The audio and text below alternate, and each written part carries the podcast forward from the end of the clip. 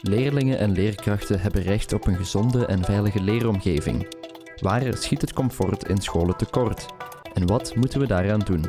Welkom bij de Architectura-podcast over comfort in scholenbouw. Dit is een podcast van Architectura, mede mogelijk gemaakt dankzij Shell, Modulis en Kinarps. De host van dienst is Rick Neven en mijn naam is Stef Pennemans. Ik ben de producent van deze podcast.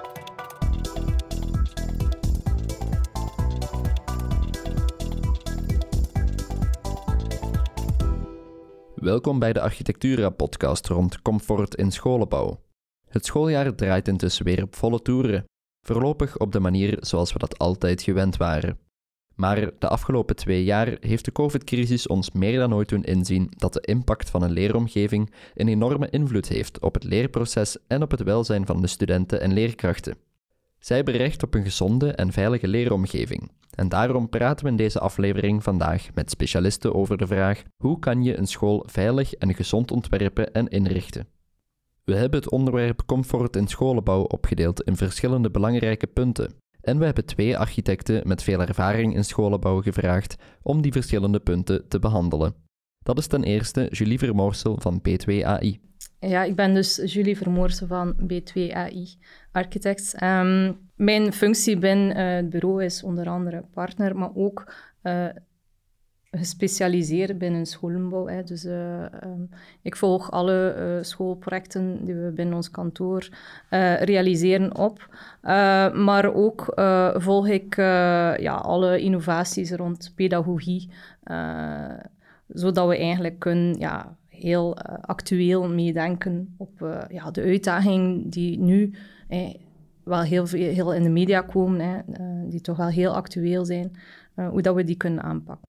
En de tweede architect bij ons aan tafel is Jeroen de Pestel van Apsis. Ja, ik ben Jeroen de Pestel van Apsis Architecten. ik werk bij Apsis als projectarchitect, nu al een vijftiental jaar. ik heb al een aantal schoolprojecten opgevolgd bij Apsis. En we zijn ook uh, eigenlijk altijd actief geweest in de scholenbouwsector. Mhm. En ook op vandaag uh, nog dagelijks bezig met scholen, uh, in, zowel in wedstrijd als voorontwerpfase, als momenteel in werkfase. Beide architecten zijn gespecialiseerd in scholenbouw. Maar hoe belangrijk is die specialisatie eigenlijk? En hoe noodzakelijk is die? Julie legt even uit waarom. Een schoolproject um, vraagt toch wel een zekere specialisatie iedere school heeft zijn eigen pedagogisch project. En het komt erop neer als architect om eigenlijk een infrastructuur te gaan realiseren die daar optimaal voor afgestemd is, die hun pedagogisch project kan werkbaar maken. Um, ik denk dat dat niet voor iedereen weggelegd is. Ik denk dat je daar uh, ervaring voor moet hebben en dat je ook leert uit ieder project en dat kunt meenemen in, in het volgende project. Um, ja, we bouwen al meer dan twintig jaar scholen, dus we zijn daar wel heel vertrouwd mee. Zo, de architecten kennen we nu, maar we hebben nog drie andere experts bij ons aan tafel zitten, die elk een expertise hebben binnen een bepaald vakgebied. Dat zijn Dirk van de Brede van Shell, specialist in duurzame innovaties voor openbare sanitaire ruimte en industriële omgevingen, Isabel de Gree van Modulis, specialist in tapijttegels, en Christophe Lagers van Kinarps, specialist in interieuroplossingen en meubilair voor kantoren, scholen en zorgomgevingen. Deze bedrijven maken ook eveneens deze podcast mogelijk. In de loop van het gesprek zullen we hen voorstellen aan jullie. Geen tijd te verliezen dus. Welkom bij de podcast van Architectura over comfort in scholenbouw, met uw host van dienst Rick Neven.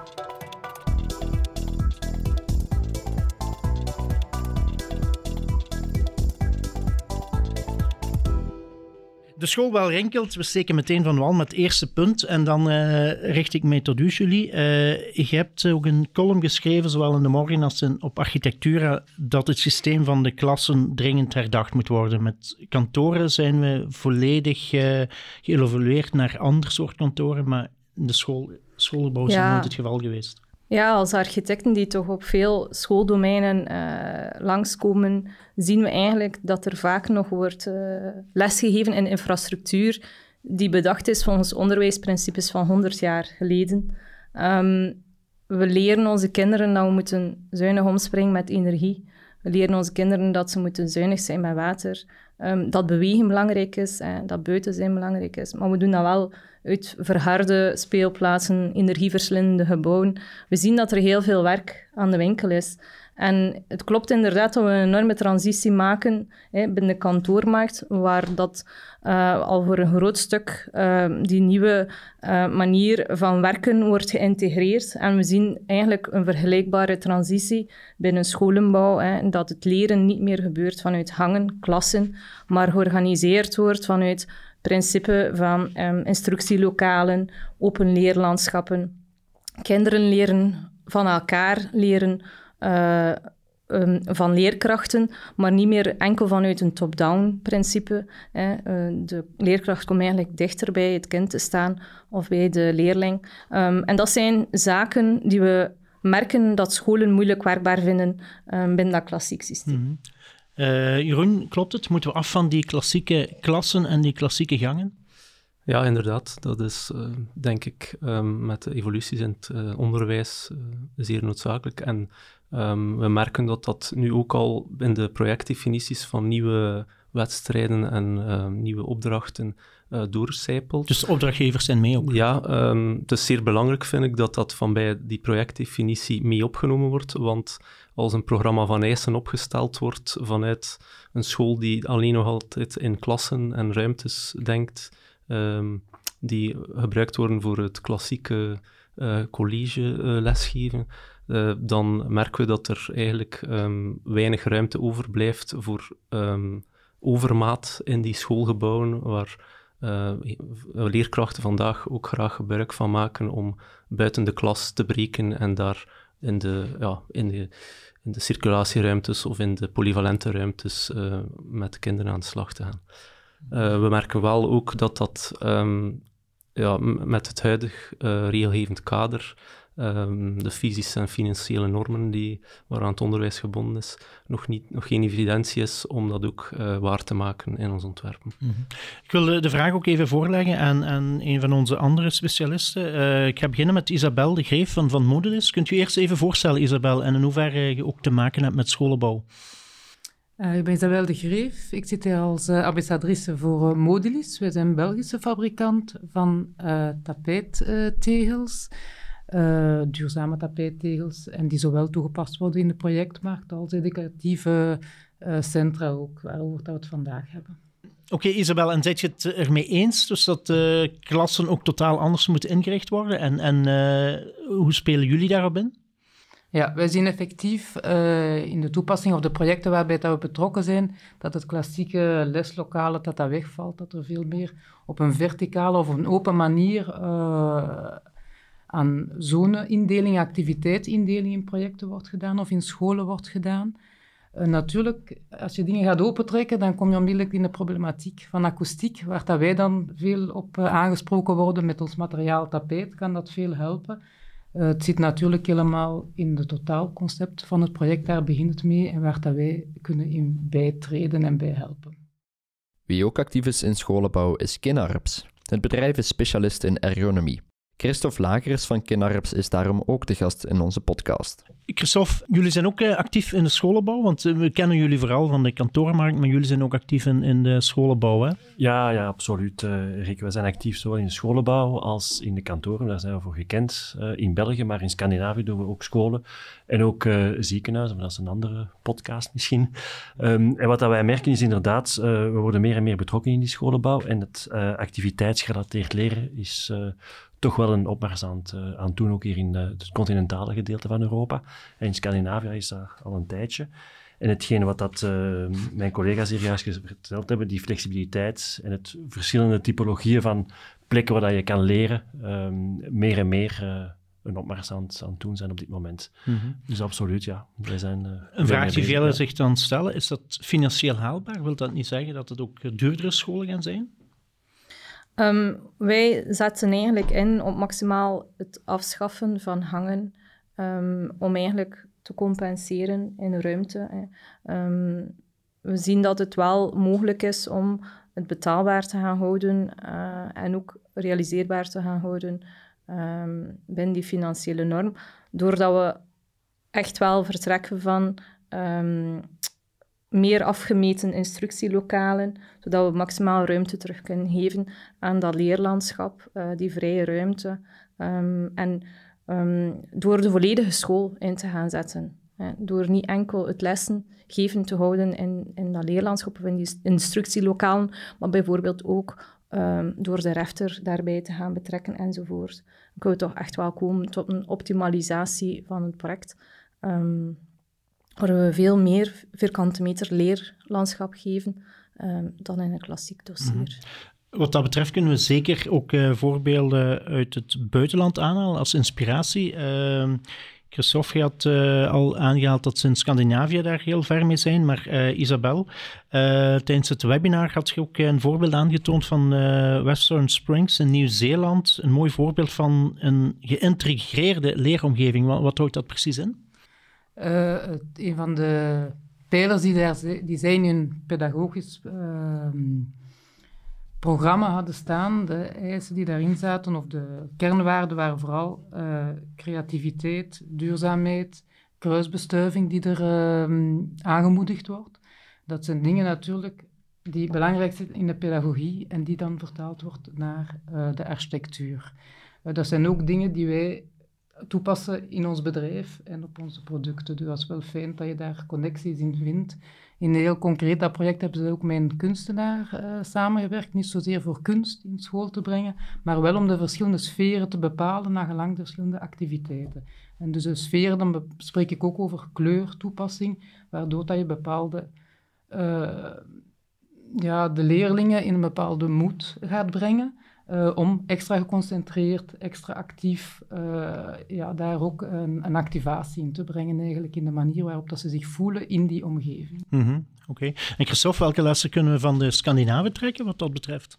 Um, ja, voornamelijk die multifunctionaliteit uh, van de ruimtes. Um, we hebben het over ja, kleuren en, en, geuren en dergelijke en het fysiek aspect, hè, het, het goede meubilair en uh, maar ook het feit dat je op een, uh, het, sociale en organisatorisch aspect moet uh, gaan kijken. En als je dan zegt van enerzijds, ja, het gaat financieel duurder zijn, dat is eigenlijk heel vaak niet het geval, omdat je die ruimtes multifunctioneel kunt gebruiken. Hè. We hadden er straks het voorbeeld van de cafetaria. Als je de cafetaria enkel gebruikt tussen 12 en 1, ja, dan is die andere 7 uur is die cafetaria leeg. En nu worden die cafetaria's veel meer betrokken en ja, dan kunnen de leerlingen overal zitten en op die manier werken. Dus dat is voornamelijk de grootste les het uh, optimaliseren van de vierkante meter. Een week voor de opname van deze podcast organiseerde Architectura ook een webinar rond comfort in scholenbouw. Dat kan je nu herbekijken op architectura.be. In dat webinar hielden we een polling waarbij we vroegen aan de deelnemers welke volgens hen de grootste problemen zijn wat comfort in scholenbouw betreft. Luchtkwaliteit scoorde daarin het hoogst met 26% daarna akoestiek met 25% en dan volgde ergonomie en daglicht met 11%. Voldoende ruimte, sloten hekken met 9%. Zijn dat de resultaten die onze gasten hadden verwacht? Jeroen de Pestel van Apsis bevestigt van wel. Ja, toch wel. Ik denk dat, dat, uh, ook wel, dat corona ook wel met die, uh, daarmee te maken heeft. Uh, akoestiek had ik ook verwacht, omdat dat een, iets is dat zeer moeilijk meetbaar is en oplosbaar is wanneer er problemen mee zijn. Maar ik had misschien ook nog verwacht om uh, oververhitting uh, daarbij te zien staan. Ja. Mhm. um, dat dat ook wel um, ja, de laatste jaren zeer veel aan aandacht uh, gewoon, ey, verplicht is moeten winnen, omdat het met ja, de betere performantie van de gebouwen wel noodzakelijk is dat daar ook voldoende aandacht aan gaat. Mm -hmm. Julie, waar wordt, tegen, waar wordt volgens u het meest tegen gezondigd als het over comfort gaat? Ik volg zeker het argument van akoestiek. Um, het is zo dat we akoestiek uh, kunnen oplossen hè, met ons, onze infrastructuur. Uh, maar er moet ook ergens um, in de behavior, noemen we dat dan, in het gedrag, in het gebruik, afspraken worden gemaakt. Hoe je omgaat met dat leerlandschap. Omdat ja, inspelen op wat Isabel zei, ja, dat je plekken hebt met verschillende sferen die bedoeld zijn voor specifieke taken. Hè. Je hebt rustige werkplekken, je hebt plaatsen waar je actiever kan zijn. En iedere leerling kan gaan kijken van ja, waar ligt mijn nood om die taak te gaan volbrengen. volbrengen. En wordt een stuk van de verantwoordelijkheid waarbij de leerling gelegd om zichzelf te organiseren. Um, en daar hoort ook een afspraak rond akoestiek bij. Als we gaan in de rustige plek, zijn we rustig. Gaan we het daar ook gaan stilhouden? Gaan we niet de andere leerlingen gaan storen? En we kunnen maximaal gaan inzetten om dat akoestisch aan te pakken, maar het blijft ook een stuk van afspraken maken. Mhm. Ehm, over akoestiek gaan we zelfs nog even terugkomen. Uh, ik wil nog even over de luchtkwaliteit hebben. Uh, Isabel Modulis is expert in akoestiek, maar ehm, volgens u kan Modulis ook helpen, uh, kunnen tapijten ook helpen om de luchtkwaliteit te verbeteren. Eh, hoe zit dat in elkaar dan? Ik zie u fronsen, uh, Rick.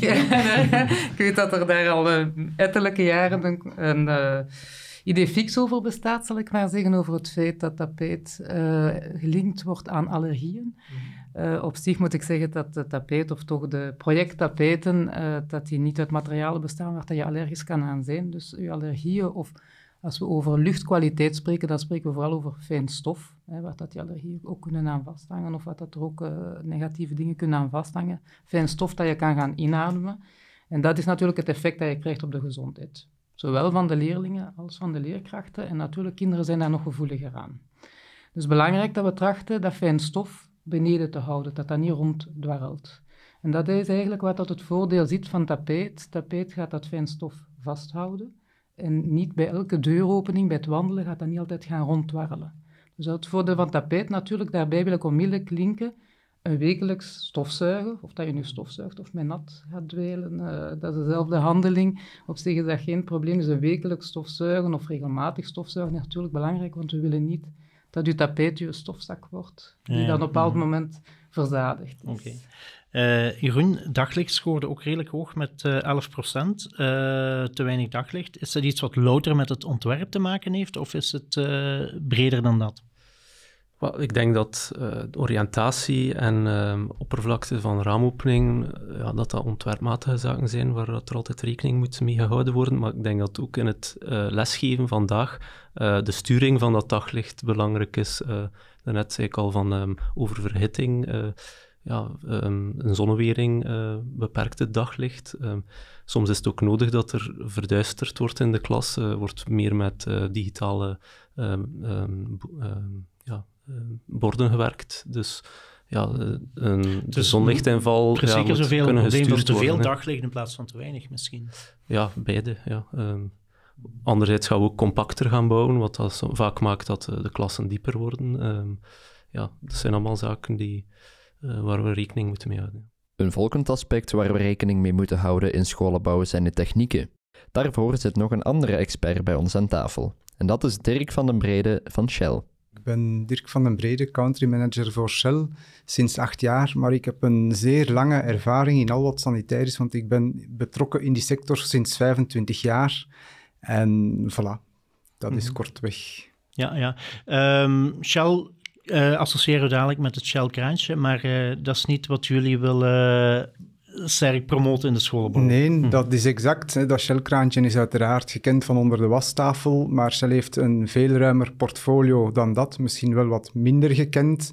Um, dat is een portfolio dat gaat voor eigenlijk hoofdzakelijk bieden wij sanitair kranen aan voor openbare sector. Dus al wat openbare gebouwen is. En dat gaat van elektronische handenvrije kranen tot legionella veilige douches. En dan systemen voor urinoir en wc te spoelen. Mm Aan de architecten, eh, even een vraag. Is dat uh, financieel haalbaar om voor dergelijke soorten kranen te kiezen? Of, of is dat iets wat uh, dikwijls niet binnen het budget past?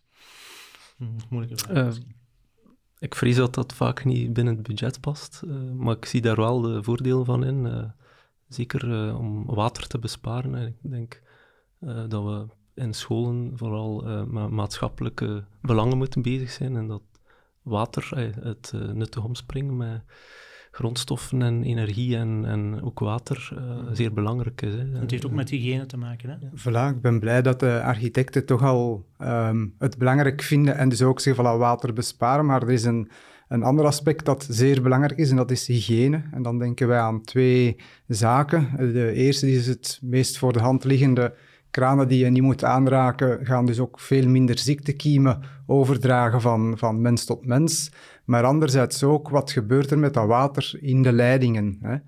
Um, stilstaand water is, is een heel goed voorbeeld. Is de, de plastieke fles die op je bureau staat, laat je die een, een, week staan in de zon, dan ga je er niet meer van drinken, want dan heb je al bang dat het niet, niet drinkbaar meer is. Nu, we weten dat scholen regelmatig twee weken of zelfs twee maanden gesloten zijn. Op dat moment zal dat water in de leidingen stilstaan en kan dat natuurlijk voor een vermeerdering zorgen van bacteriën in het water. Met eventueel alle gevolgen van dien, zeker en vast voor wat douchesystemen betreft, en dan denken we aan de Legionella-bacterie, maar ook andere bacteriën bij drinken. Hè. En merkwaardig is dan toch ook nog dat we in scholen meer en meer de leerlingen um, trachten te overtuigen van een drinkfles mee te nemen, om van plastic flessen enzovoort af te gaan. Dus in die mate is het zeker en vast belangrijk van ervoor te zorgen dat dat water in die leidingen ja, echt wel zuiver, gezond, drinkbaar blijft. Oké. Uh, sanitair is één aspect van de technieken, maar er zijn natuurlijk ook nog heel wat, andere technieken. Uh, vraagje voor jullie. Eh, er wordt ook in schoolbouw steeds meer ingezet op, op herbestemming, op, op renovaties. Valt dat uh, moeilijker te rijmen met degelijke en betaalbare technieken dan, dan een nieuwbouw? In onze projecten gaan wij voor uh, principe van uh, de performante technieken in te gaan zetten en maximaal eigenlijk CO2-neutraal te gaan verwarmen en koelen enzovoort. Jeroen, in, in hoeverre gaan energiezuinigheid en, en comfort voor u hand in hand, of is het een keuze maken tussen één van de twee? Nee, ik denk niet dat we de keuze mogen maken dat, uh, alle, dat het ambitieniveau op alle vlakken uh, zo hoog mogelijk moet liggen. Dat um, ja, comfort en energiezuinigheid, maar ook duurzaam omspringen met materialen en herbestemming, dat allemaal um, ja, ambities zijn die we moeten hoog houden.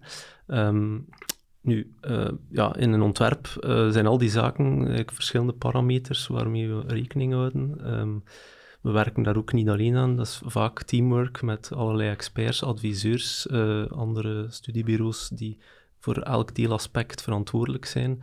En dat maakt ik, um, ja, eigenlijk bij de scholenbouw ook uh, het zeer belangrijk dat uh, al die input samen geïntegreerd wordt in een, in een sterk concept en een sterk ontwerp. Um, dus ik zeg, ja, ik zeg niet dat we een keuze moeten maken. Ik denk dat we op alle vlakken ja, zo hoog mogelijk moeten scoren. Mm Julie, wat ik wel regelmatig hoor, is uh, dat er soms gekozen wordt voor technieken die eigenlijk uh, te complex zijn voor de gebruiker en, en ook niet juist worden afgeregeld. Is dat inderdaad een, een, een groot probleem? Um, ons principe is dat we eigenlijk gaan kijken uh, doordat we al goed inzetten op die schil enzovoort, dat we um, ook gaan kijken naar passieve oplossingen, hè, zodat we de technieken um, kunnen beperken tot uh, waar nodig. Um, en ook gaan kijken naar uh, centrale systemen, zodat we onderhoud kunnen centraal laten gebeuren. Proberen daar echt wel aandacht aan te geven om alles zo eenvoudig mogelijk te gaan maken. Hè. En dat is altijd een afweging die we maken. Hè. De onderhoud en de exploitatiekost uh, van de installaties in uh, onze projecten. Uh, zodat we eigenlijk de school niet gaan opzadelen met een project die ze eigenlijk niet kunnen onderhouden of die niet beheersbaar is naar de toekomst. Denk, als we zien wat de prijzen vandaag zijn voor gas en elektriciteit, mm -hmm. dat het alleen maar nog in belang wint om, om daar uh, vol een bak op in te mhm. gaan zetten. Eh, maar, maar gebeurt het, uh, Jeroen, regelmatig? Vind je dat uh, studiebureaus technieken voor soms te complexe systemen kiezen en, en het beter soms wat eenvoudiger, simpeler zouden houden?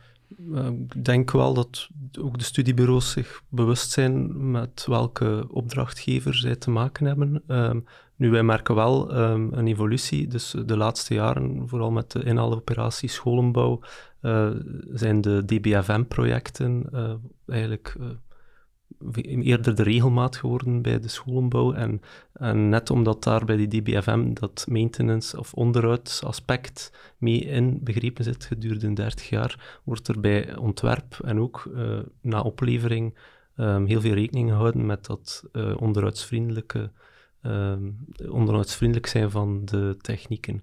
Dus daar zien we wel een evolutie in.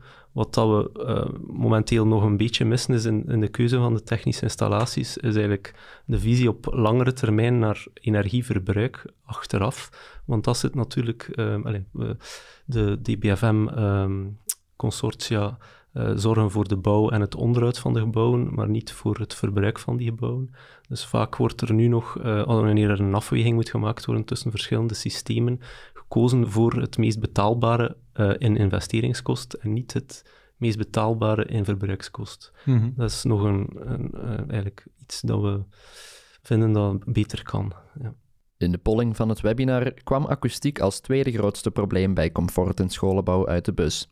Maar hoe schadelijk is zo'n slechte akoestiek nu voor de schoolgaande jeugd? Isabel van Modulis heeft er tal van studies over bestudeerd. Dat klopt. En daaruit blijkt dat uh, het invloed vooral heeft op uh, de concentratie.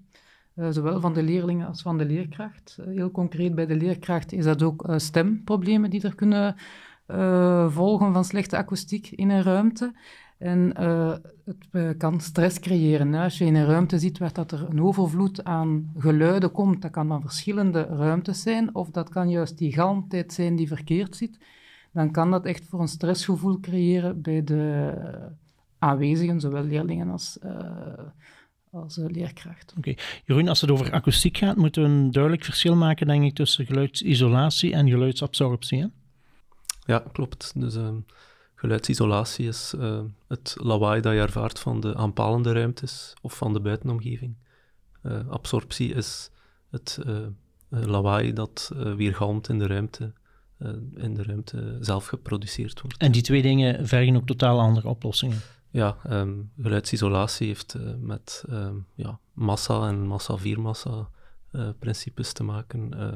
nagalmtijd beperk je vooral door uh, geluidsabsorberende materialen toe te passen in uw ruimte, zoals uh, tapijtvloer, ja, zachte uh, wandafwerking, meubilair, absorberende plafonds enzovoort. Ja. Oké. Okay. Julie, je pleit voor meer open ruimtes, meer te gaan naar atria in plaats van die klassieke klassen. vergt dat ook geen specifieke oplossing wat de akoestiek betreft? Er moet zeker aandacht gegeven worden aan de akoestiek. Um, ook bij die open ruimtes en die atria. Um, die uh, geluidsabsorptie is daar heel belangrijk in. Um, om daar geen helle schel, allee, loka lokalen van te gaan maken, hè, waar je eigenlijk niet graag zelf zou vertoeven. Hè. dus ja, we, we gaan daar uh, met specialisten uh, aan de slag om dat goed te ontwerpen. Mm -hmm. Jeroen, ik heb me ook uh, laten vertellen dat dat goede akoestiek staat of valt met de juiste uitvoering. Dat daar soms wel tegen gezondigd wordt. Uh, klopt dat? Ja, dat is een, een groot aandachtspunt op de werven. Um, dat is ook zeer moeilijk um, te detecteren altijd, omdat ja, als architect ook uh, maar één keer per week meestal uh, op die werf uh, loopt en er vaak al zaken verstopt zitten onder de vloer of achter de wanden wanneer je er passeert. Maar soms kleine details kunnen ervoor zorgen dat er heel veel geluidsoverdracht tussen verdiepingen of tussen lokalen is. En ja, dat is iets waar zeer veel aandacht moet op aan besteed worden. In een schoolgebouw moeten leerlingen bijna acht uur per dag stilzitten. Het spreekt daarom voor zich dat zitcomfort van cruciaal belang is. Het volgende aspect dat we behandelen is daarom ergonomie. Christophe van Kinnarps is hierin gespecialiseerd. Maar wat zijn nu de belangrijkste problemen in scholenbouw wat betreft ergonomie? Uh, het belangrijkste probleem is dat de mensen gewoon veel te veel stilzitten. Mm Zowel de leerlingen als de leraren zitten veel te veel stil. De leraar nog geluk, eh, eh, uitzonderlijk nog iets minder als de leerlingen, maar de leerlingen veel meer als de leraren. Uh, de mens is niet gemaakt om stil te zitten. Gedurende heel onze evolutie hebben wij constant uh, bewogen. En het is pas de laatste jaren. En dan bekijk ik de volledige evolutie de laatste 50, 60 jaar. Misschien iets langer dat we eigenlijk stilzitten. En dat is helemaal niet gezond. Uh, ons lichaam is gemaakt uh, dat we moeten bewegen. Dat is goed voor de spieren, dat is goed voor het skelet, dat is goed voor het cardio cardiovasculair gedeelte. Dus ja, ik kan alleen maar aanraden om zoveel mogelijk te bewegen. Um, we hebben al een paar zaken besproken hier aan tafel. Um, dat de, door de diversificatie uh, van die klaslokalen, van de manier van te leren, dat je verplicht bent om te be bewegen. Maar als je dan toch eens geconcentreerd wilt zitten, zorg er dan voor dat je op je stoel kan bewegen. En dus uh, ja, het is heel belangrijk dat de stoel ook beweegt, waardoor dat jij ook in die stoel beweegt. sluit ook aan, denk ik, bij, bij uw pleidooi uh, Ja. van een andere invulling van, van de klaslokalen, hè, Julie? Ja, eh, of ik heb het net al even aangehaald, hè, dat je ook ergens een stukje aan, de, aan het kind of aan leerling kunt eh, verantwoordelijkheid geven om zichzelf te gaan organiseren, om een taak te gaan vervullen. En ehm, ja, dat is ook wel een beetje zo, eh, als we kijken naar de kantoorlandschappen, hè, daar heb je diezelfde problemen, hè, dat, dat er heel veel eh, wordt eh, stilgezeten eigenlijk. Hè. Ehm, en wij zijn van principe, als, als de bricks erop voorzien zijn om te bewegen, als de bytes er zijn, en dat zijn eigenlijk de principes binnen kantoor, ehm, en bricks, bytes, behavior, dat als de bricks zich ertoe lenen, de bytes zich ertoe lenen, dat het gedrag ook zal veranderen. En ik denk dat we ook die principes binnen het scholenbouw moeten uh, ja, toepassen. Um, als we de mogelijkheid geven om te zitten, om te staan, om, om zelfs misschien uh, te liggen uh, met een boek, dan zal, zullen die leerlingen dat ook gaan gebruiken. Dan worden ze automatisch uh, gestimuleerd om te gaan bewegen. Oké. Okay. Uh, Jeroen, is, is meubilair, de keuze van meubilair, iets waar architecten zich veel mee bezighouden in scholenbouw? Of is dat iets wat toch maar aan de opdrachtgever en de schooldirectie wordt overgelaten? Uh, wij zouden er meer mee willen bezig zijn dan dat we kunnen ermee bezig zijn. Dat is simpelweg omdat het vaak uh, weggelaten wordt uit onze opdracht. Uh, nu, wij, werken als bureau ook altijd, uh, we hebben een interieurarchitect en ook een landschapsarchitect, dus wij willen eigenlijk elk project als een totaalproject uh, beschouwen, maar het is vaak zo dat, die, dat dat meubilair niet mee in het budget zit voor de bouw van de school. dat is in vele gevallen jammer, um, omdat we denk ik daar ook wel een meerwaarde kunnen in betekenen, maar het gebeurt eigenlijk zelden dat we daar inspraak in krijgen. Oké. Okay. Um, Christophe, uh, een eerste vereiste voor schoolmeubilair lijkt me de, de stevigheid, want uh, stoelen moeten tegen een stootje kunnen. Als studenten er de hele dag op zitten, in hoeverre valt dat te rijmen met dat, met dat zitcomfort en met die beweging? Uh, dat valt zeer goed te rijmen. Hè. Dus stoelen worden... En het materiaal wordt altijd goed ge, gecontroleerd en ge, getest in geaccrediteerde lab, laboratoria. Um, en het wordt eigenlijk ge, gemaakt voor het gebruik ervan. Um, nu, de studenten zijn daar altijd heel uh, creatief in om uh, meubilair te gebruiken. Dus uh, dat wordt wel zeer zwaar getest. er zit meer als genoeg garantie. En, en, scholen zijn van nature uit mensen die heel duurzaam denken. Hè? Want als je nu kijkt, de scholen van vandaag, 40 jaar geleden, ze zijn nog altijd dezelfde. Dus het meubilair van toen is nog altijd het meubilair van vandaag. Dus uh, die stoelen die gaan, en, en, dat meubilair gaat absoluut een tijdje meegaan. Oké. Okay. Uh, Julie, er wordt steeds meer gekozen voor circulaire alternatieven, ook voor, voor herbruik. Um, zou dat in school ook meer moeten gebeuren, dat men uh, gaat kijken naar tweedehands meubilair? Of is dat nog een te moeilijk verhaal? Ik denk dat er zeker kan gekeken naar tweedehands meubilair. Um, ik denk dat het terug neerkomt om diversiteit aan te bieden in die mogelijkheden om te staan, zitten, te werken. En dat daar zeker een, een aanbod uh, circulair materiaal is die daar kan op aansluiten. Um, in aanvulling dan hè, van die uh, meer ergonomische installaties die, die op maat kunnen ingesteld worden enzovoort. Maar door, door diversiteit krijg je zeker de mogelijkheid om dat te integreren. Christophe, hoe staan jullie daar tegenover? Want uh, als fabrikant zult je natuurlijk proberen zoveel mogelijk meubilair te verkopen. Maar uh, als er nu steeds meer wordt ingezet op dat hergebruik, op dat uh, tweedehands meubilair, voor jullie is dat geen goede zaak, of toch? Goh, je moet dat op een andere manier bekijken. Er zijn heel veel scholen die een, een stukje nieuw kopen en de kwaliteit dan misschien wel meer budget gaan hebben om die kwaliteit te verhogen. En dus je moet niet één op één gaan kijken, maar meer het totaalaspect. Waarbij je een stukje tweedehands kan nemen of hergebruik en een stukje nieuw. Uh, we hebben een paar mooie voorbeelden van in de, van in de banksector, waar dat er oud meubilair werd, enfin, dat ze te veel hadden, omdat ze op een andere manier gingen werken. En dat is dan ingezet in een school. Uh, dus op die manier kan er heel veel hergebruikt worden, maar kan er ook goed nagedacht worden vanuit het begin. Wat kunnen we nieuw doen, wat moet er veranderen en wat kunnen we hergebruiken? Er zijn zeker nog stoelen en tafels die vandaag de dag nog altijd kunnen ingezet worden in dat activiteitsgerelateerd leren.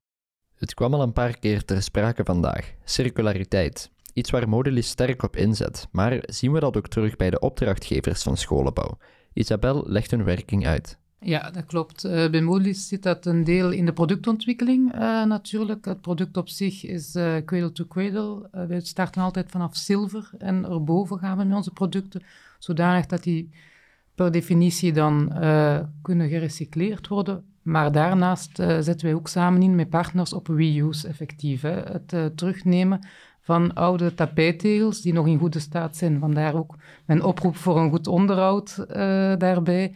En die kunnen dan perfect teruggebruikt worden. Dat kan binnen dezelfde scholengroep gebruikt worden, maar dat kan evengoed extern uh, met andere projecten gemengd worden. En zoals dat ook uh, Christophe zei, de projecten die wij nu doen, waar dat ook reuse wordt in gebruikt, is altijd een combinatie, zowel van nieuwe producten als uit een bibliotheek, zal ik maar zeggen, van een van onze partners, waar dat dan uh, gebruikt materiaal bij is. Okay.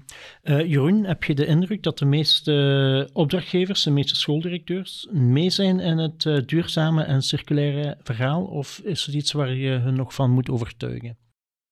Ik denk dat uh, hey, um, wij werken vaak voor uh, opdrachtgevers, um, de grote ja, scholengroepen, um, de verschillende uh, zoals het GO, het katholiek onderwijs, um, ook nu de projecten met, bij de DBFM-opdrachten, zijn allemaal um, zeer goed georganiseerd en eigenlijk vanuit um, bepaald uh, projectmanagement opgestart uh, en ook begeleid door specialisten. En dus zit die vraag naar duurzame en, circulaire oplossingen wel mee in de projectdefinitie. Nu, het ambitieniveau uh, ligt daar nog niet heel hoog, maar uh, het, het, er wel mee in opgenomen. Um, maar het wordt natuurlijk, we merken ook vaak dat als er dan nadien um, keuzes gemaakt moeten worden, om, uh, vaak om budgettaire redenen, dat er wel minst, dat die minst hoog op het verlanglijstje staan. Ja. En zo zijn we aan het einde gekomen van deze podcast over comfort in scholenbouw. Hopelijk heeft u er heel wat van bijgeleerd. Wilt u nog meer weten over comfort in scholenbouw? Bekijk dan zeker ook het webinar op architectura.be. Heel erg bedankt aan de sprekers Dirk van de Brede van Shell, Isabel de Cree van Modulis, Christophe Lagers van Kinarps, Julie Vermoorsel van P2AI en Jeroen de Pestel van Apsis. Mijn naam is Stef Pennemans, ik ben de producent van deze podcast en de host van dienst was Rick Neven. Dit is de Architectura-podcast en deze aflevering werd mede mogelijk gemaakt dankzij Shell, Kinarps en Modulis. Beluister ook zeker onze andere podcasts op Architectura of Circubeeld, bijvoorbeeld de aflevering Binnenklimaat, hoe maak je een gebouw warmteproef? Bedankt voor het luisteren en tot horens.